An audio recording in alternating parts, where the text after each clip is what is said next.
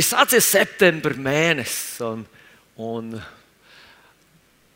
bērni dodas uz skolu. Un Jānis arī ir atnācis uz skolu.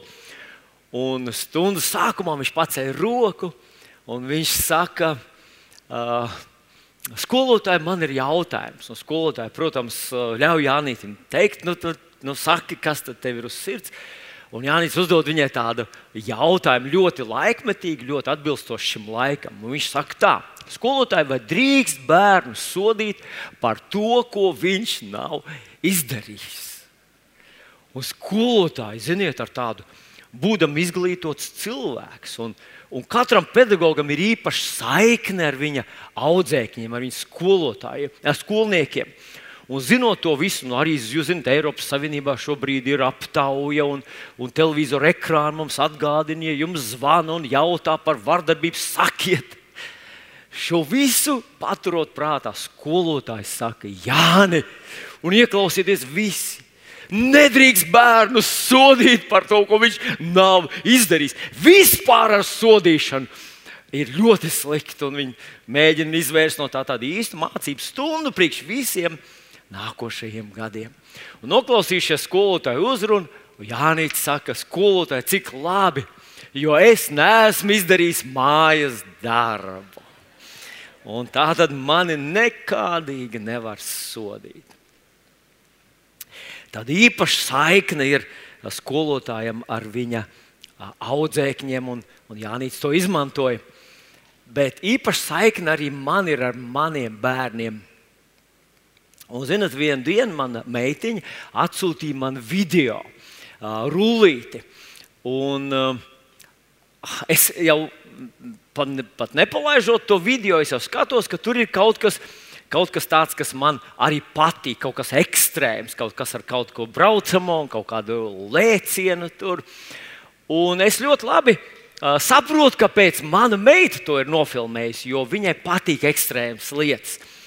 Reiz tie bija gan vairāk gadi atpakaļ. Mēs bijām kādā lielā attrakciju parkā, un tur bija viena no attrakcijām, bija tāda milzīga kaķene.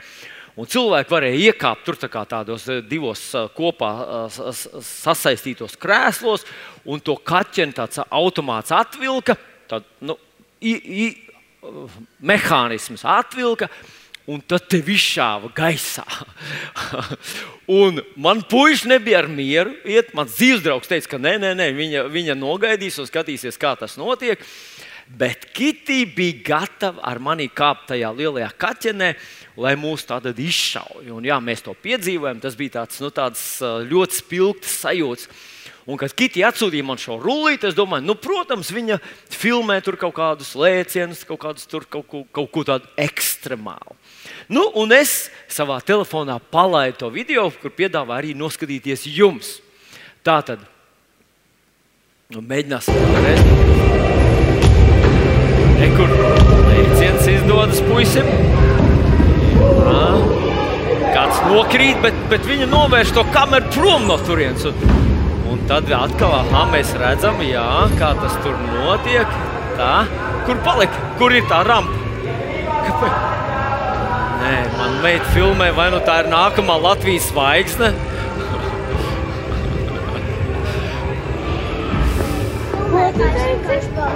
Es teicu, lai, lai, lai tu man nefilmē, jo tad es nācu dzert. À.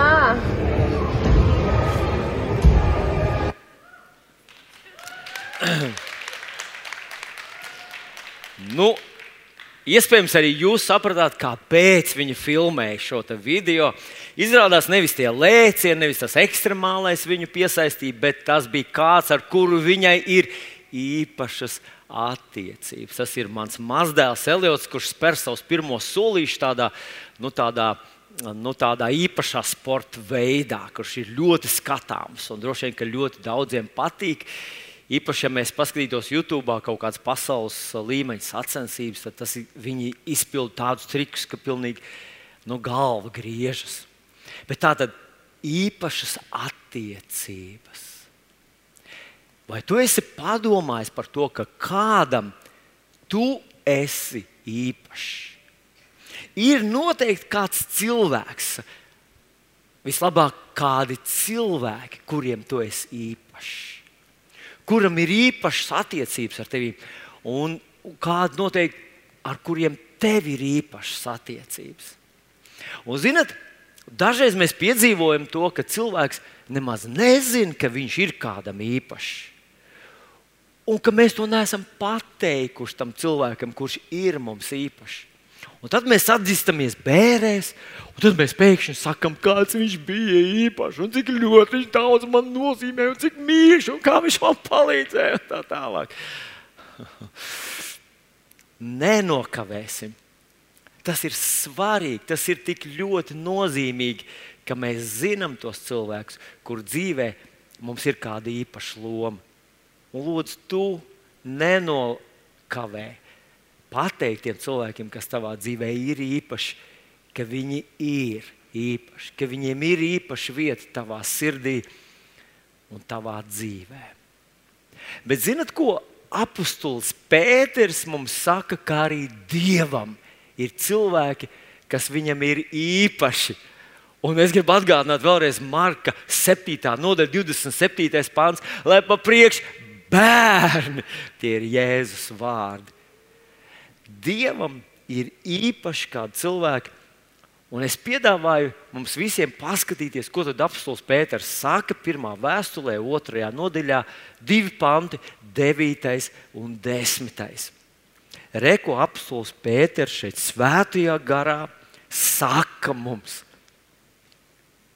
jūs esat izredzēta cilts, ķēnišķīgi priesteri svēta tauta, Dieva īpašums, lai jūs paustu tā varenos darbus, kas jūs ir aicinājis no tumsas savā brīnišķīgajā gaismā. Jūs esat izredzēta cilts, ķēnišķīgi priesteri, svēta tauta, Dieva īpašums, lai jūs paustu tā varenos darbus kas jūs ir aicinājis no tumsas savā brīnišķīgajā gaismā. Un tad ir nākamais desmitais pāns. Jūs, kas citkārt nebijāt tauta, bet tagad dieva tauta, kas nebijāt apžēloti, bet tagad esat apžēloti. Īpaši man uzmanību piesaistīja šis desmitais pāns. Jūs, kas nebijāt tauta, tagad Dieva tauta. Es domāju, kam tad apelsīns Pēters raksta šo vēstuli? Un, ja tu paskatīsies šīs apstuļa Pētera vēstules pašu sākumu, pirmo nodaļu, tu konstatēsi, ka tā ir adresēta svešiniekiem, kas ir izkaisīti, un tad viņš min daudz, daudz tās pilsētas un apgabalus, kur tāds, tā vēstulīte ir adresēta. Pavisam droši mēs zinām, ka tā vēstule ir adresēta arī mums. Viņš raksta to Kristus mācekļiem, bet uz to laiku lielākā, absolūti nospiedošā masa Kristus mācekļi bija cilvēki, kas bija ebrejiskas izcelsmes, ebreju tautas cilvēki.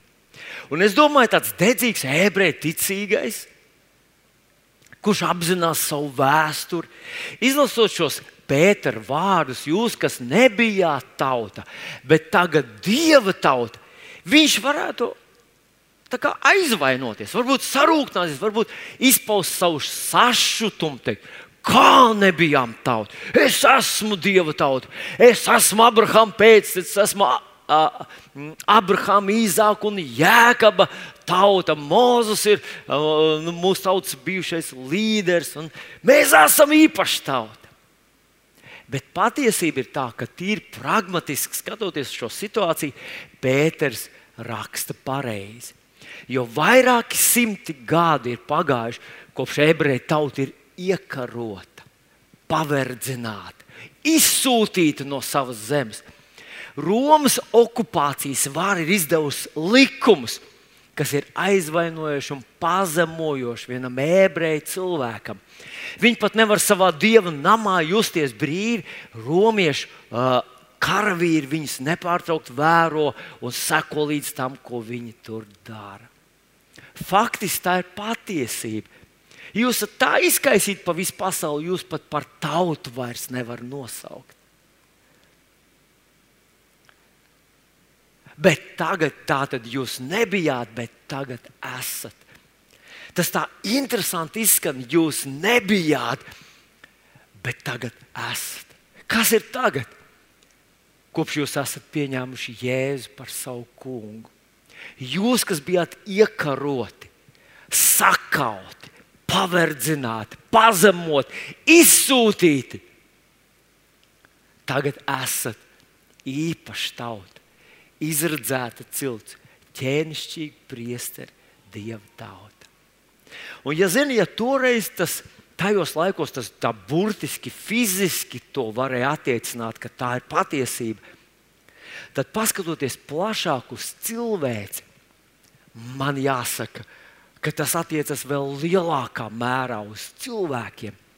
Jo faktiski, protams, mēs arī varētu aizvainoties. Kāds varētu teikt, mēs esam latviešu tauta, liela, lepna un stipra tauta. Mums ir dainas kultūra, mums ir sava zeme, savas galvaspilsēta, Daugava un vēl visādas brīnišķīgas lietas. Kāda varbūt liela tauta varētu teikt, mums ir liela vēsture, sena vēsture, milzīgas teritorijas, mūsu ir daudzi miljoni. Bet patiesībā, iedziļinoties dziļāk, cilvēks ir vēlna sakauta un paverdzināta. Mums cilvēkiem bez Kristus nav īsti nekādas lielas vērtības. Mēs vergojam vēlnam. Viņš ir kļuvis par mūsu tēvu. Viņš ir tas, kurš ienīst, kurš ir slepkava, mēlis Un mēs redzam, kā lēnām viņš pasauli virza pretī bezdibeniem.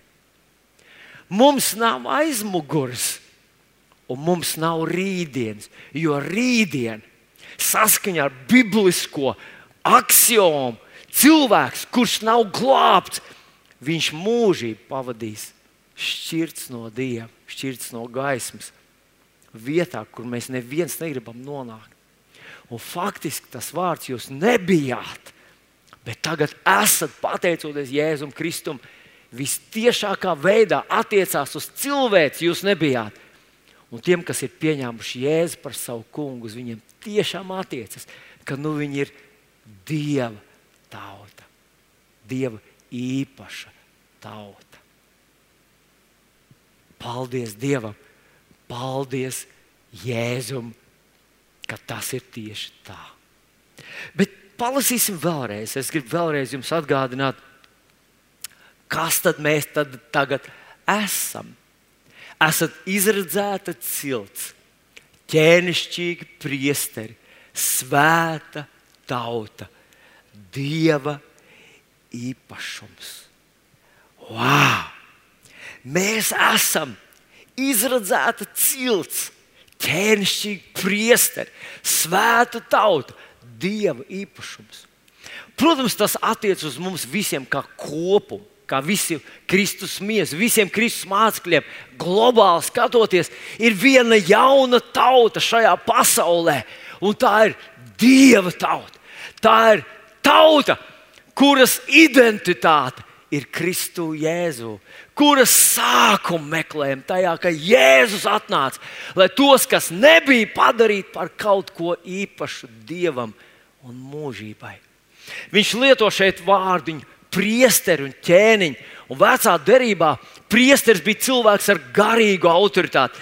Ķēniņš bija cilvēks ar fizisku autoritāti. Nu, viņš to attiecina uz mums, Dieva bērniem. Tu esi izredzēta cilts ķēnišķīgs priesteris, svēta tauta, dieva īpašums. Saka, es esmu dieva īpašums. Kā tu par tādu kļuvi? Tad, kad tu pieņēmi Jēzu Kristu par savu kungu un glābēju. Bet šeit nebeidzas tas teksts, viņš turpinās.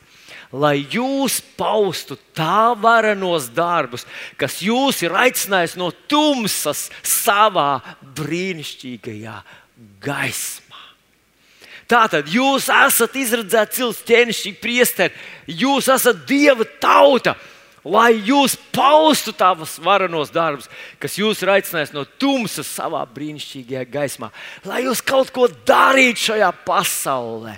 O, Dievs ir ienācis mūsu dzīvē, Viņš ir darījis mūs īpašus, lai mēs paustu tā varenos darbus.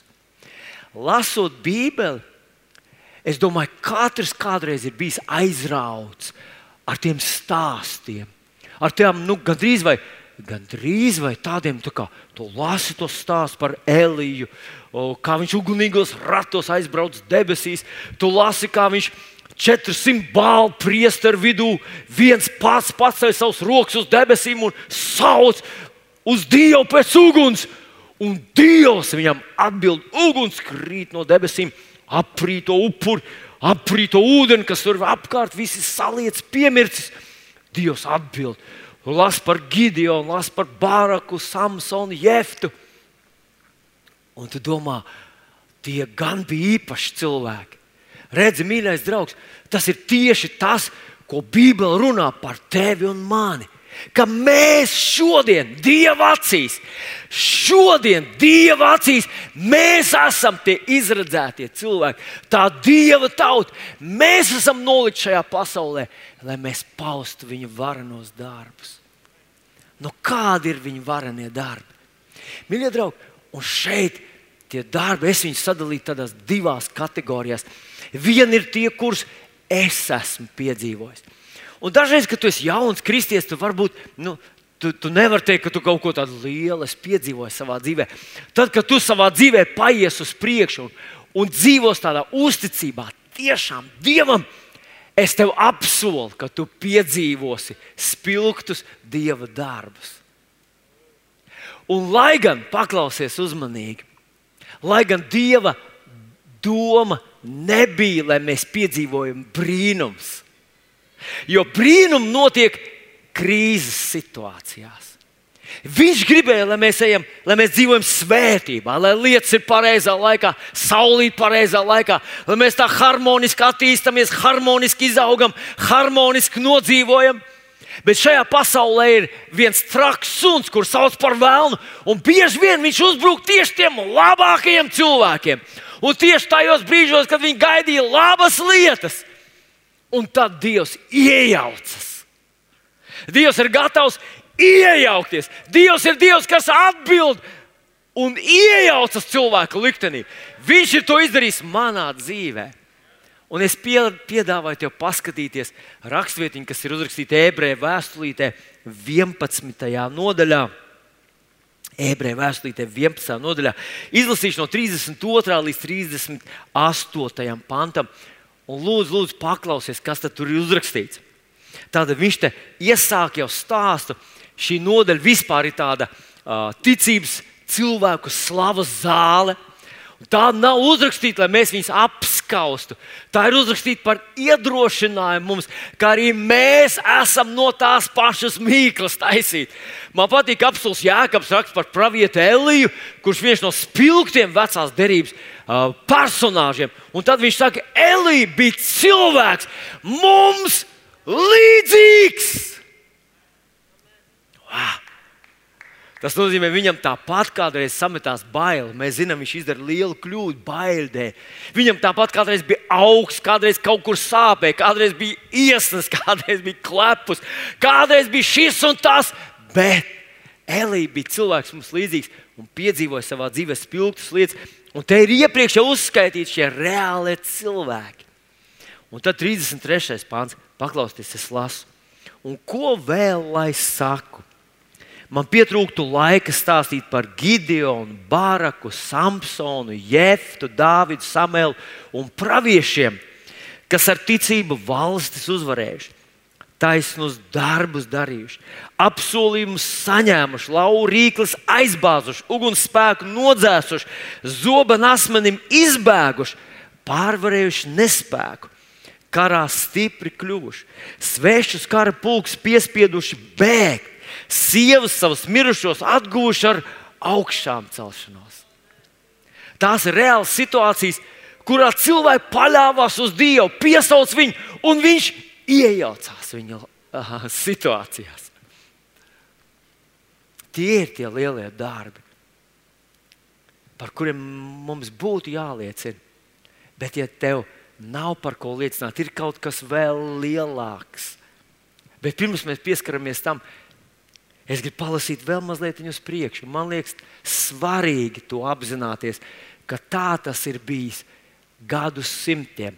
Un nu jau vismaz 2000 gadu ir tieši tā, kā šeit arī tiek rakstīts bet citi tika mocīti, nepieņemdami atsvabināšanu, lai iegūtu augšām celšanos. Citi izcietuši izsmieklu, pātagu sitienus, pat važas un cietumu. Viņi tika akmeņiem nomētāti, pārbaudīti, pārbaudīti, sazāģēti, mira no zobens, staigāja apkārt aitu āzās, aitu ādās, kazu ādās trūkumu ciestami, spaidīti, mocīti. Viņi, kuru pasaule nebija cienīga, maldījās pa tūkstošiem un kalniem un alām un zemes aizām.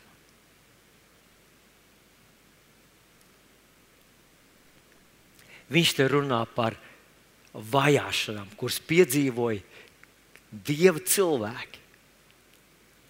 Dieva cilvēki, Dieva tauta, apelsīns Pēters, vasaras svētku dienā izsaka tādu jautājumu, kas man lika nodarbēt kādus gadus atpakaļ.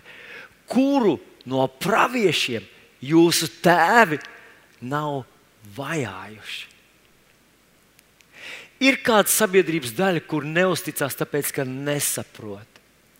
Bet ir arī kāda sabiedrības daļa, kur vienkārši ir nocietinājuši savu sirdis pret Dievu pret viņu evaņģēlīju vēst. Viņiem šķiet, ka tā ir vieglāk nekā nav. Es pats esmu Dievs. Viss sākās no nekā un beigsies ar neko. Tā nav patiesība. No nekā sākās tikai netīrība un nabadzība.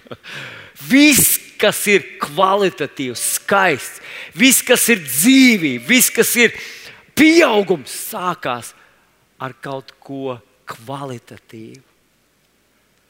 Un cilvēks sākums, pasaules sākums ir radītājs Dievs.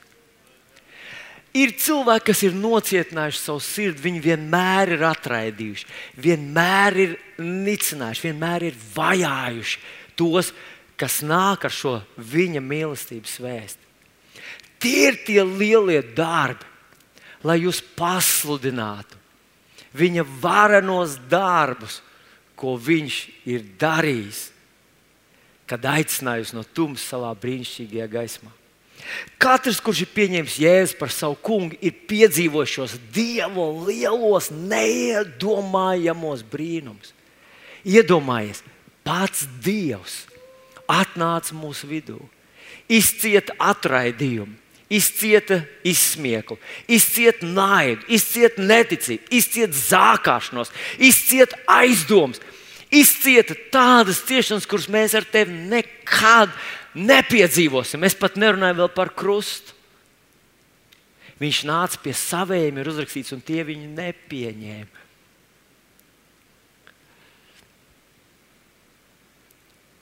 Ja es teicu, ja viņi māceklis nav lielāks par savu kungu, ja viņi man nepieņem, viņi jūs nepieņems. Tā ir daļa no misijas. Mums nevajadzētu par to izbrīnīties, mums nevajadzētu par to dusmoties, mums nevajadzētu par to sašust un gaidīt uguni no debesīm. es, es atceros, manā dzīvē, tādā jaunībā bija tāds posms, kad gribējās katrs, kurš man atšuva, un gribējās, lai uguns krīt. Tur palika melni čupiņi. Aha, nu jūs redzat, Dievs ir. Tieši tas, ka tās zibens nesit, apliecina, ka Dievs ir un Viņš ir mīlestības Dievs. Katram ir iespēja viņu pieņemt un iespēja viņu arī atraidīt. Dievs nevienu neiebaida debesīs. Nevienam rokas neizgriež, lai glābtu viņu. Dievs savā mīlestībā un lēmprātībā nāk pie cilvēka tā, ka viņu var arī atraidīt. Bet paldies Dievam, ka es to neizdarīju. Un es ļoti no visas sirds ceru, ja kāds mūsu vidū šajā rītā ir, kas vēl nav pieņēmis Jēzu par savu kungu, ka to arī viņi neatraidīs.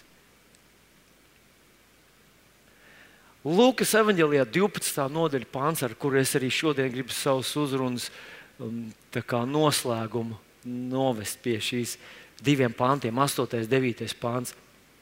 Katru, kas mani apliecinās cilvēku priekšā, to arī es apliecināšu Dieva eņģeļa priekšā. Un katru, kas mani aizliegs cilvēku priekšā, to arī es aizliegšu Dieva eņģeļa priekšā.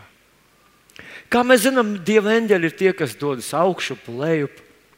Tā mums parādīja Bībelē, kādā stāstā par jēkabu, kurš redzēja kāpnes. Mēs zinām, Dieva eņģeļi ir tie, kas ir sargeņģeļi.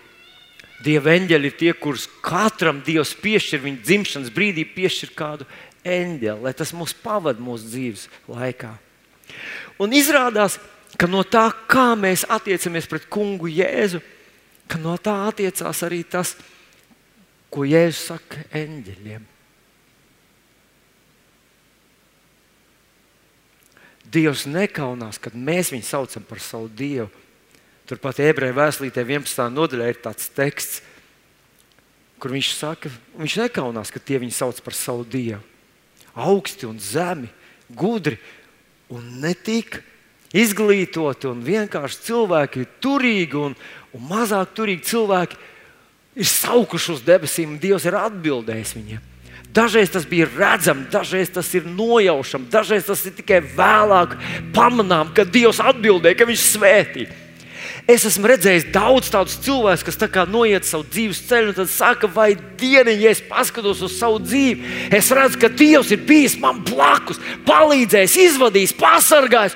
Un tur, kur liekas, nav izēja, pēdējā mirklī, kad durvis atvērās, viņš izved cauri un paglāba. Ak, Dievs, es tad nepamanīju to. Dievs nekaunās, kad mēs viņu saucam par savu Dievu. Cik ģeķīgi ir, ka mēs kaunamies no sava dieva. Vairāk kā 30 gadus atpakaļ radās prieka vēsts. Viņi neradās tāpēc, ka uh, kādam bija dusmas uz kaut kādu tradicionālu baznīcu, mēs gribējām kaut ko savu, vai kāds bija pabeidzis Bībeles skolu un tad gribēja kaut ko savu, kaut kādu.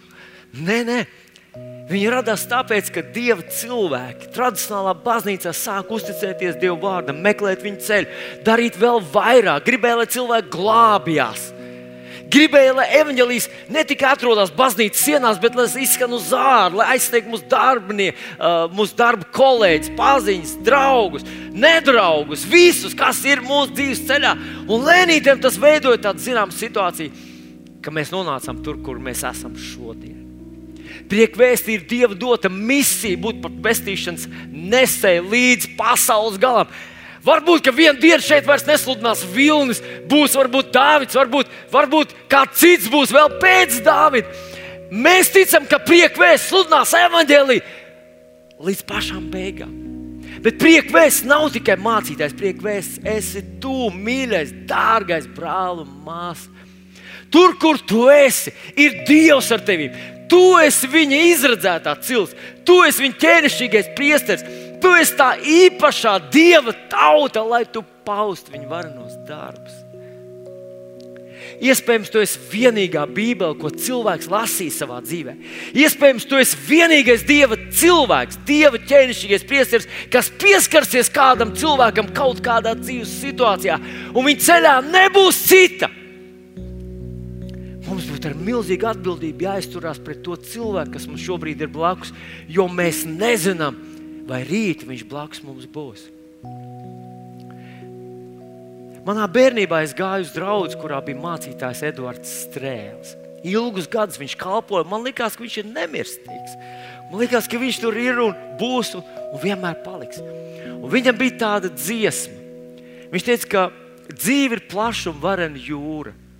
Mēs esam kā putu viļņi, kas traucamies pret krastu. Kādu mirkli mēs esam blakus, bet tad viņš saka, mainās vējš, ceļas vētra un ceļus mums jauc. Un, nu, ja es to esmu piedzīvojis savā dzīvē, mīļais draugs, ka tu liekas, ka tie cilvēki, kas tev ir blakus, ka viņi tur būs blakus vienmēr. Un tad kaut kas pamainās, un viņi vairs nav, un tu viņus nekad vairs nesatiec. Nekad vairs nesatiec. Un tad tu sāc domāt, tu sāc tīt atpakaļ filmu un saki, Kāpēc es neizdarīju tad, kad viņš man bija blakus dienā, dienā kad es varēju, kad es, kāpēc manā sirdī nedega uguns? Kāpēc? Kāpēc man bija? Es biju nodarbināts ar paiļošām, nenozīmīgām lietām, un manā sirdī nedega, kā es varu izpildīt to savu misiju, būdams Dieva īpašā tauta, Dieva ķēnišķīgais priesteris, Dieva cilvēks, tā cilvēka dzīve. Kāpēc es palaidu garām šo izdevību? Un tad man jāsaka, Dievs, dod viņam vēlreiz sastapties ar kādu, kurš nekomplekso, kurš nebaidās, kurš necenšas sevi pasargāt, kurš nav pārāk aizņemts ar šo zemes dzīvi, tik īso un iznīcīgo. Dod viņam sastapt kādu īstu dievu bērnu.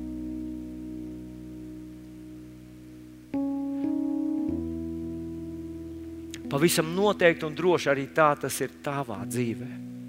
Ir kādi cilvēki, kas tev ir blakus. Varbūt jūs neesat paši labākie draugi. Varbūt pat jums īsti nesaskan un neklapē, kā mēs sakām. Bet tu esi vienīgais, kas viņam var pateikt. Parādīt, ka Dievs viņu mīl. Nevis izturēties kā visi, kā pārīt, kā tu būtu pavisam parasts, spēlēts ikdienas cilvēks. Nē, kaut kas īpašs. Es uzdrošinos apgalvot, ka katrs kurš izvirza to par savas dzīves īpašu misiju, apliecināt, jēzus, pastāstīt cilvēkam par lielāko dāvanu, ko Dievs viņa dēļ ir izdarījis.